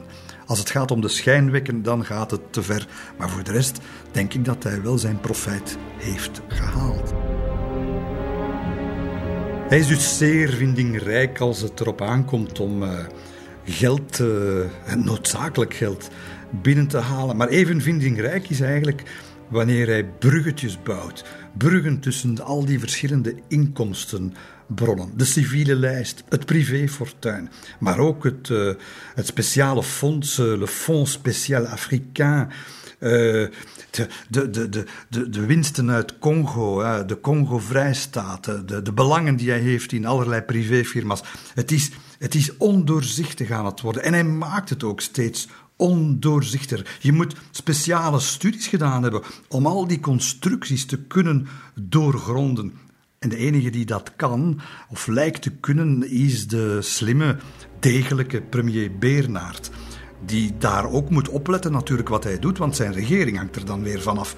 Uh, kashandelingen ziet Beernaert die eigenlijk niet meer door de beugel kunnen uh, van de zijde van, van Leopold, uh, die ja, dingen doet die eigenlijk, eigenlijk niet te horen. En misschien was het wel tot een, uh, ja, tot een aanvaring en tot een stopzetting van die praktijken gekomen, mocht Bernard nog wat langer geregeerd hebben, maar dat doet hij niet. Want ondertussen de strubbelingen rond dat kiesrecht in 94, in 1894, de, de onvrede in de katholieke partij over de koers die de eerste minister vaart, waardoor ze eigenlijk flink wat zetels verliezen en de socialisten en zo verder, ook christendemocraten in, de, in het parlement komen, wel, dat leidt uiteindelijk tot zijn val. Het is Bernard zelf die de eer aan zichzelf houdt en zijn ontslag indient in eh, maart 1894. En dat is een, een destabiliserende gebeurtenis en niet in de laatste plaats voor de man die hem daar gezet heeft en die op hem rekent, de koning zelf. Die verbaasd is en die uh, ontregeld is door het feit dat hij zijn belangrijkste, zijn trouwste politieke bondgenootschap in rook ziet opgaan. Cher ministre, sta me toe u mijn eerlijke verbazing uit te drukken over het feit dat u mij niet geroepen heeft om samen met u voorafgaand aan de drastische beslissing onder ogenschouw te nemen die u samen met uw collega's genomen hebt. Ik heb haar vernomen uit de Zwitserse krant. Zeer vroeg in de ochtend vertrek ik meteen naar Brussel met de Italiaans-Zwitserse spoorweg en ik zal thuis aankomen in de nacht van donderdag op vrijdag. En hij voegt de, daad bij het woord. De vorst keert onmiddellijk naar Brussel terug roept de kabinetsraad samen te paleizen en, ja, hij trekt alle registers open. Hè. Voornamelijk de emotionele registers, want wat, wat roept hij daar in volle ministerraad uh, tegen Bernard? Ik werp me aan uw voeten, opdat u zich naar mijn wensen zou schikken. Leopold II, kun je het u voorstellen, zich op de grond zou werpen. We willen het niet zien. Uh, ja, Bernard die is daar gevoelig voor. Hè. Sieren, mijn eer en waardigheid als politicus staan op het spel, antwoord hij. Ik kan, ik kan uw wens niet inwilligen, zegt hij. Ik kan mijn eigen overtuiging niet met voeten treden. Ze zijn al oud en onwrikbaar. En één voor één gaat Leopold dan al die ministers van dat kabinet Bernard vragen van wat, wat vind jij ervan en wat moet er gebeuren. Ja, elkeen zal zeggen dat, uh, dat ze Bernard begrijpen. Ja, wat had je gedacht? Uh, en dan ja, een lange lange stilte aan die tafel, aan die vergadertafel. En het is minister de Burle die noteert hoe de koning zijn emoties de vrije loop laat. De koning zag erg bleek. Zijn hoofd zakte naar beneden en tranen stroomden over zijn gelaat, want hij kon zijn gevoelens niet langer verbergen. Verschillende minuten lang zagen we hem wenen. Iedereen aan de tafel werd bevangen door emotie. Ook meneer Beenaert zag lijkbleek. Diep onder de indruk wendde hij zich tot de koning. Sire, ik vind geen woorden om u mijn verdriet uit te drukken over de emoties die de koning voelt door mijn toedoen. Ja, en het is uh, Leopold die het laatste woord heeft. Hè. Uh, en hij, ja, de man die toch al lang regeert en wat meegemaakt heeft. Ja, een, een huid als een olifant heeft. Ja, toch merk je, is dat nu echt of gespeeld? Dat, ik denk dat het echt was, wanneer hij zegt... Ik schaam me niet om in het bijzijn van mijn ministers tranen te laten. De raad zal mijn ontroering begrijpen aangezien ze deze deelt. Ze is spontaan en ik weet niet hoezeer ik mijn dank moet betuigen voor de diensten die de heer Berenaert in de afgelopen jaren heeft betoond aan zijn land en zijn koning. Maar natuurlijk, uh, politici en een vorst en uh, dat soort gezelschap, daar is emotie, heeft emotie niet het laatste woord, maar altijd, altijd de politiek, de politieke berekening. En het is toch wel knap wat uh, August Beernaarde en wat waarschijnlijk zijn laatste persoonlijke notitie uh, is geweest als politieke vriend van Leopold II, wat hij enkele weken later schrijft. Op 12 mei 1894. Heb gezegd aan de koning dat de komst van de socialisten in de Kamer voor hem een goede zaak is. Ze zijn minder gevaarlijk binnen dan buiten. Ze zullen het instrument worden van zijn toenemende macht.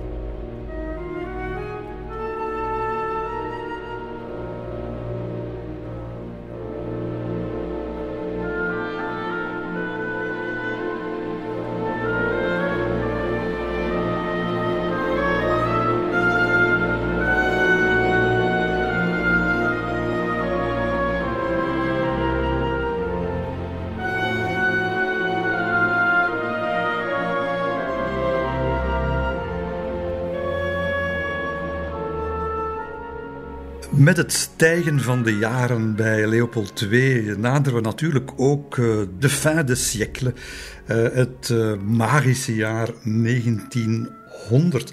En wat voor een tijd is dat? Wel, het is een tijd die gekenmerkt wordt door zeer paradoxale fenomenen, ook in België. Je hebt aan de ene kant heb je een, een, versnelde vooruitgang, een uitvindingen langs alle kanten, uh, een, uh, een uitbundig levensgenot ook. Vergeet niet, het is toch al in dat Europa zo geteisterd door oorlogen. Het is toch al een paar decennia niet meer bewolkt door oorlogsdreigingen. En, en dat, ja, dat, dat leidt tot een, niet tot een ondergangsgevoel, maar veel eer, en vooral met de eeuwwisseling zelf dan, veel eer tot een, tot een uitbundigheid en tot een, tot een levensvreugde. En wie daar natuurlijk ook uh, zijn pad in vindt of in zoekt. Uh, ik heb zijn foto hier voor mij liggen. Het is uh, de man met, met de lange grijze baard. Hij ziet er nog zeer kranig uit. Een foto uit 1895.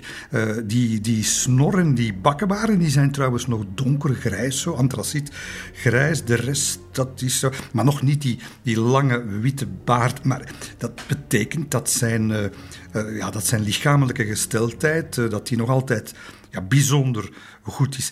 In, welke, in welk tijdsgevricht gaat hij zijn voetsporen nu trekken? Het is natuurlijk natuurlijk in die magische periode die we kennen als de Belle Époque.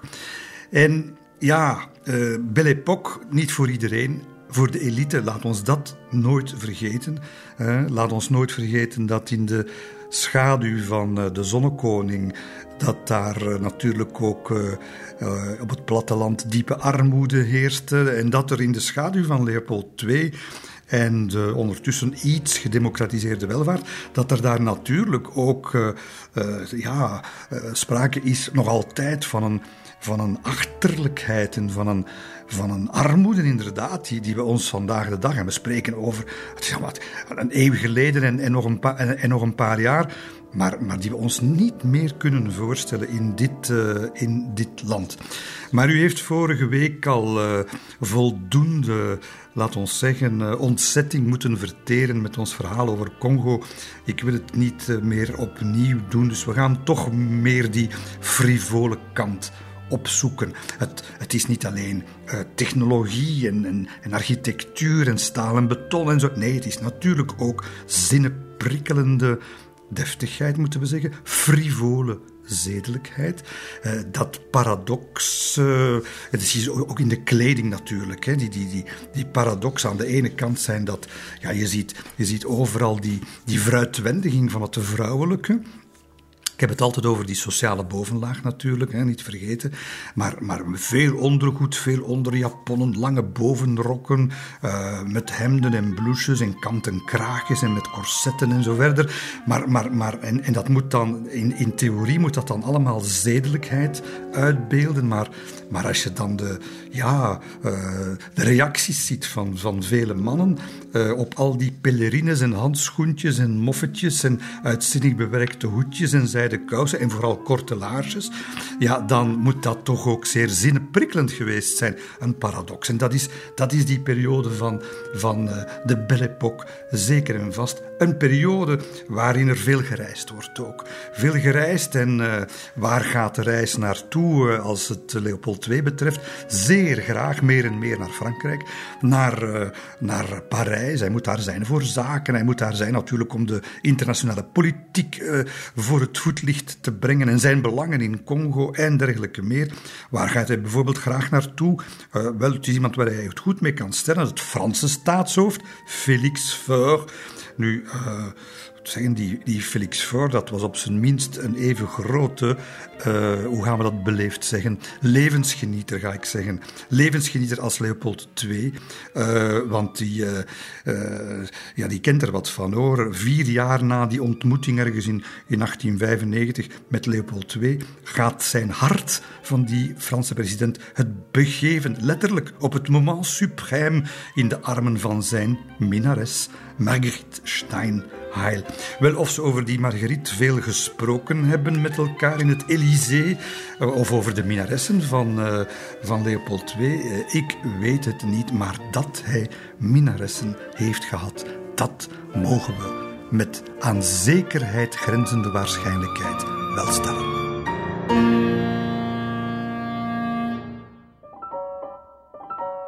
Ja, het zijn scènes eh, die, uh, die je soms nog eens in een, een goede ouderwetse film ziet. Hè.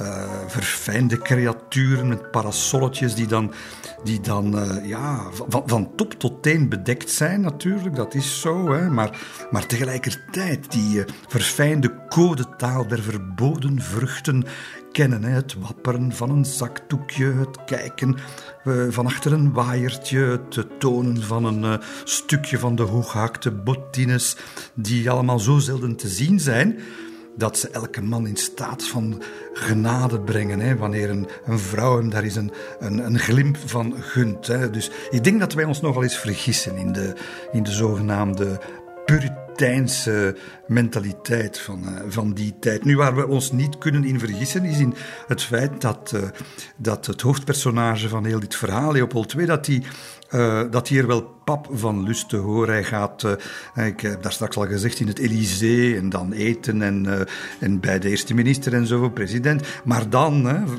ja, op verlakte muiltjes en in een rokkostuum trekken we naar de, ja, naar de elitaire Parijse feestclubs uit die tijd. De Maxims, de Folie Bergère, de Comédie Française. Uh, ja, men giet daar champagne in gedecolleteerde lijfjes. Kunt u zich voorstellen? Men zou voor minder natuurlijk het bloed uh, voelen van stromen. En wat gebeurt er dan als je het bloed uh, feller voelt stromen? Wel, dan wil je al wel eens in verleiding komen door een of andere ja, niet zomaar een vrouw, hè, niet zomaar een... Ik ga ze zelfs geen prostituees noemen. Dat zijn de demi-mondaines, dat zijn de, de dames die zich niet voor één gat laten vangen, die wel, uh, laat ons zeggen, een, een soort prijskaartje hebben. In, en, maar dat gaat dus niet over een paar briefjes van 100 francs, nietwaar? Dat gaat over, uh, dat gaat over na, na een paar keer, gaat over een villa of dat, dat, dat soort dingen.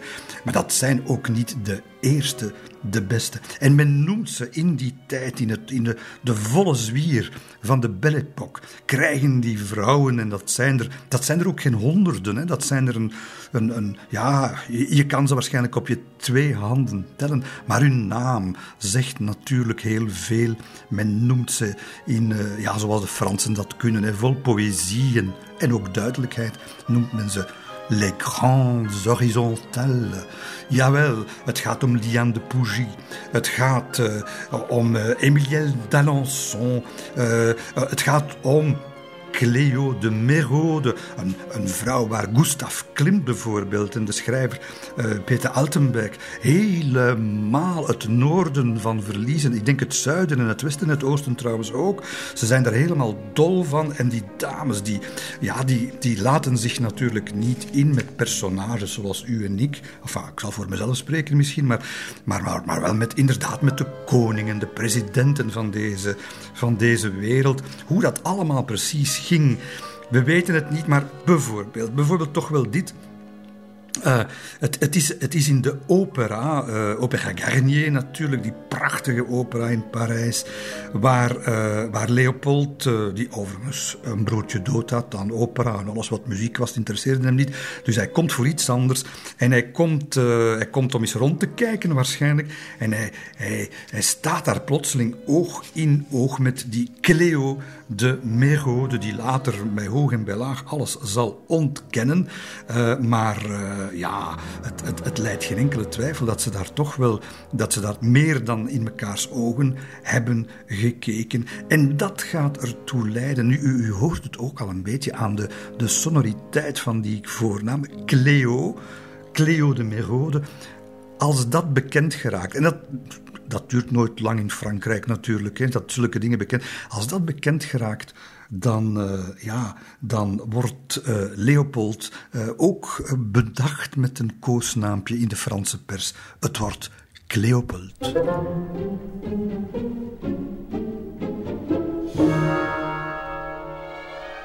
Het laat zich natuurlijk nooit met zekerheid vaststellen dat al die verhalen uh, want het, gaat niet alleen over Clio de Merode, maar ook over vele andere dames. Of dat allemaal waar is en hoe ver en zo verder. Vaststaat dat hij wel een appartementje had, ergens nogal verscholen, uh, in La Rue des in, uh, in Parijs.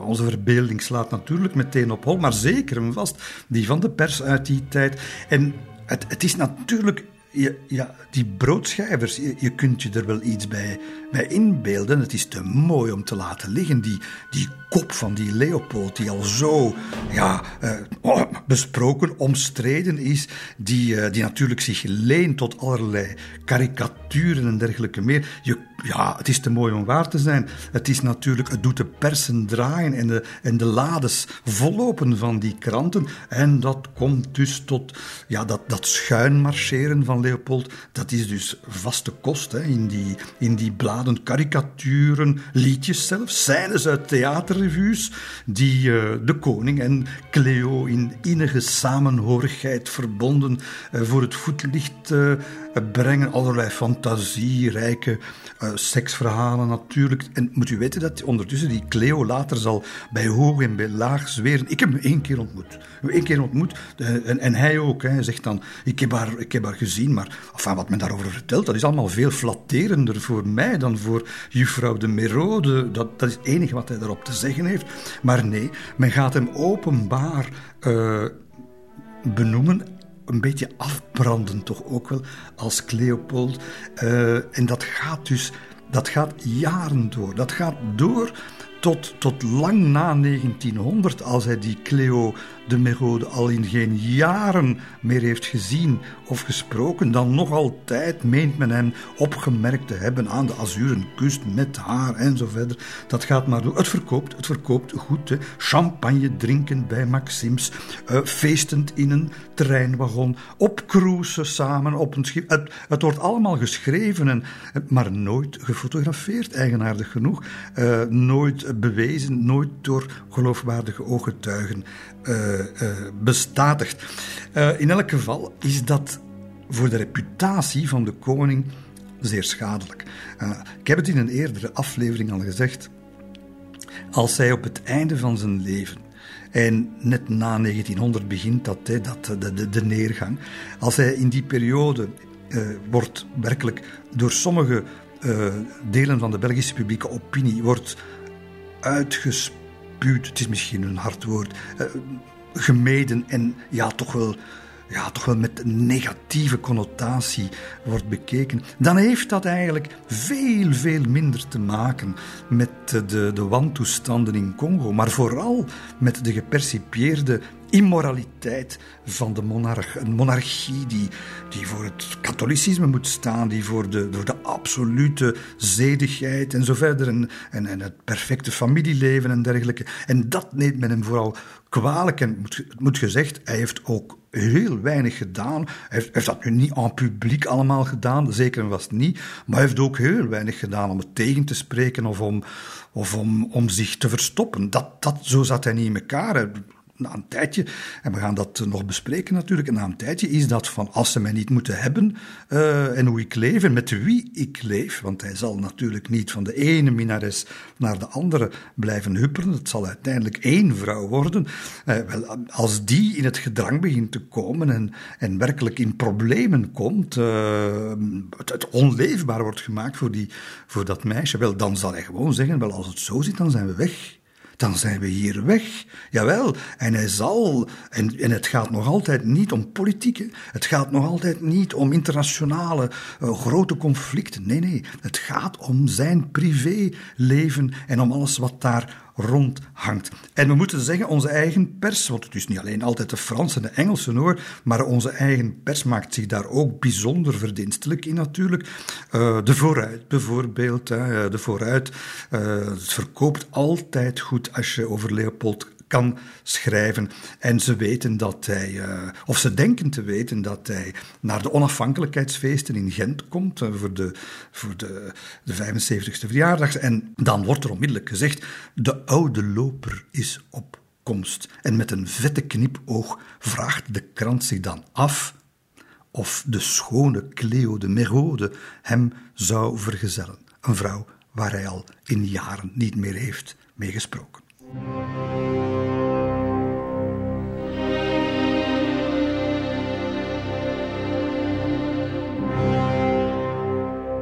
Dat soort artikels, eh, dat, dat komt niet goed aan bij de gewone man. Ik, eh, ook, ook niet bij de middenklasse en dergelijke.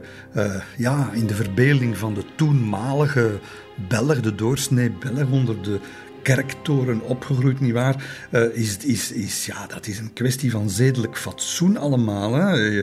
De koninklijke familie, dat is de rots in de branding.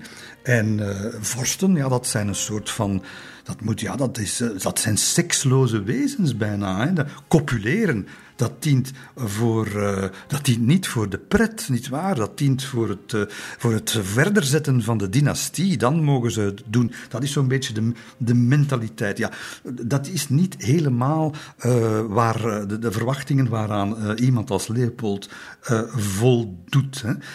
je kunt je ook afvragen.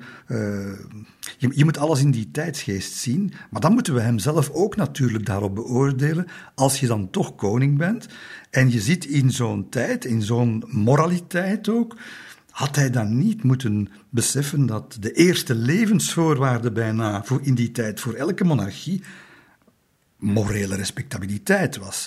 Ja, hij had dat moeten voorzien. Maar wat doet hij? In de plaats wel, hij laat zich eens goed gaan. Uh, en hij moet natuurlijk niet altijd naar Parijs afzakken, nietwaar? Om, uh, als hij de lente in zijn hoofd heeft, dat, dat zou nogal wat geweest zijn. Stel je voor, hij zou bijna dagelijks de trein moeten genomen hebben. Nee, nee, zijn, uh, zijn plekken heeft hij ook in Brussel en in Laken.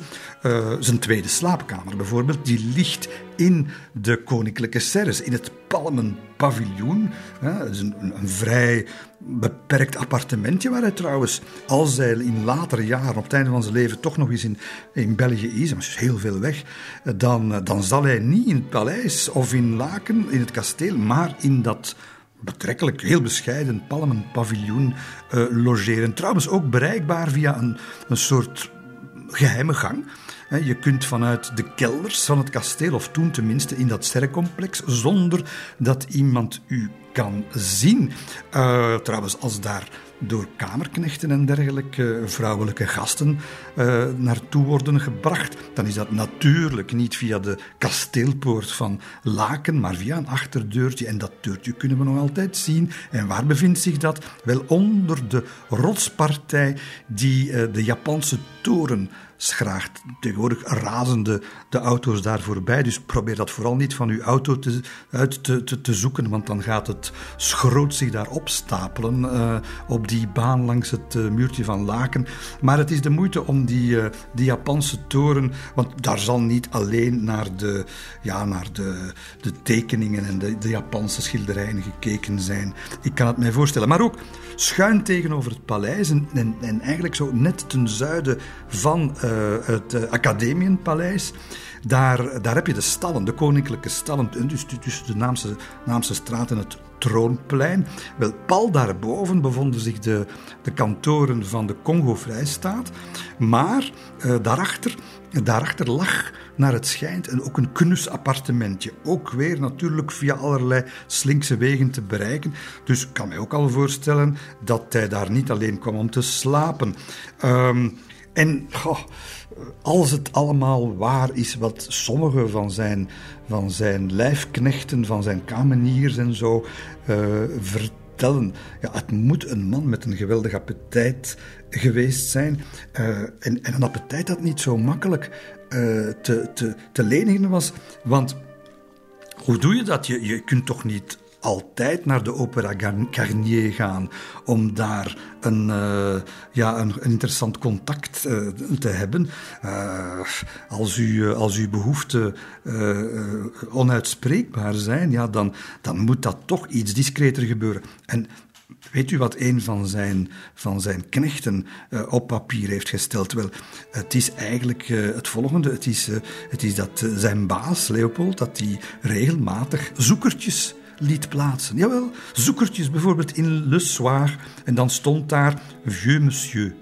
verfijnd, wenst kennismaking met winkeljuffrouw of arbeidster, 20 tot 22 jaar, zeer mooi, goed gebouwd en in goede gezondheid.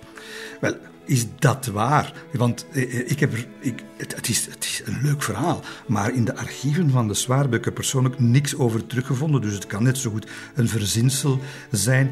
Maar eh, het wordt af en toe toch wel, wel wat bevestigd hoor, hier en daar. Want dat, vreemd, hè? winkeljuffrouw of arbeidster. Ja, hij heeft ook gevraagd op een zeker moment aan diezelfde knecht, ja, zich al die bourgeoises die hier altijd binnenkomen en uh, een beetje gehad met die demi-mondaines, met hun geslepen sociale vaardigheden en hun extravagante levensstijl. Nee, nee, ik moet echte vrouwen hebben. Hè. Stevige schepsels uit de fabriek moest hij hebben. Ja, ze mochten zelfs liefst eigenlijk een beetje, je moet dat kunnen bewijzen natuurlijk, dus hun nageltjes mochten wat vuil zijn en het moet, het, moet allemaal wat, uh, wat echter zijn, wat authentieker zijn. En zo'n lijfknecht die beschrijft dat dan, die zegt dan, ja, hoe, moet ik dat nu? Waar moet ik nu zo iemand vinden? Hè? Het is een schelmenroman natuurlijk, hè, waar we hier uh, naar aan het kijken zijn. Die, die, die trekt zich de haren uit het hoofd om, om de baas plezier te doen. En hij gaat dus uiteindelijk uh, een demi-monde toch maar aanspreken, die dan gevraagd wordt om haar kanten broekjes en kraagjes en haar lippenstift en crèmetjes en zo voor één keer achterwege te laten en zich te zich te vermommen. Stel je voor, als een handschoenwerkster, dus eigenlijk een, een, een, een ja, een arbeidster. Hè. En ze krijgt drie dagen, uh, zegt die man, om zich in die rol in te leven. En ja, hoe dat afgelopen is, dat, uh, dat weten we niet helemaal. Maar hij moet in elk geval niet ontevreden geweest zijn, de, de, de besteller. Hè. Maar, uh, maar dan, zeg, dan een paar dagen later loopt Leopold in Oostende rond aan de renbaan, de Wellington ren, renbaan. En hij kijkt daar wat rond en, en, en, en wie ziet hij plotseling? Wie kijkt hij daar plotseling in de ogen, zeg? Het is toch wel de handschoenwerkster, die van de vuile nagels? Jawel, alleen had ze nu een mondijn kapsel met een froefroe. Ze droeg een dure hoed met veren en haar volle buste zat gegoten in een pikant roze fluwelen mantelpakje. Hij was toch wel bedrogen zeker. Ze wisselen gauw een blik van herkenning uit en elk gaat snel zijn eigen weg.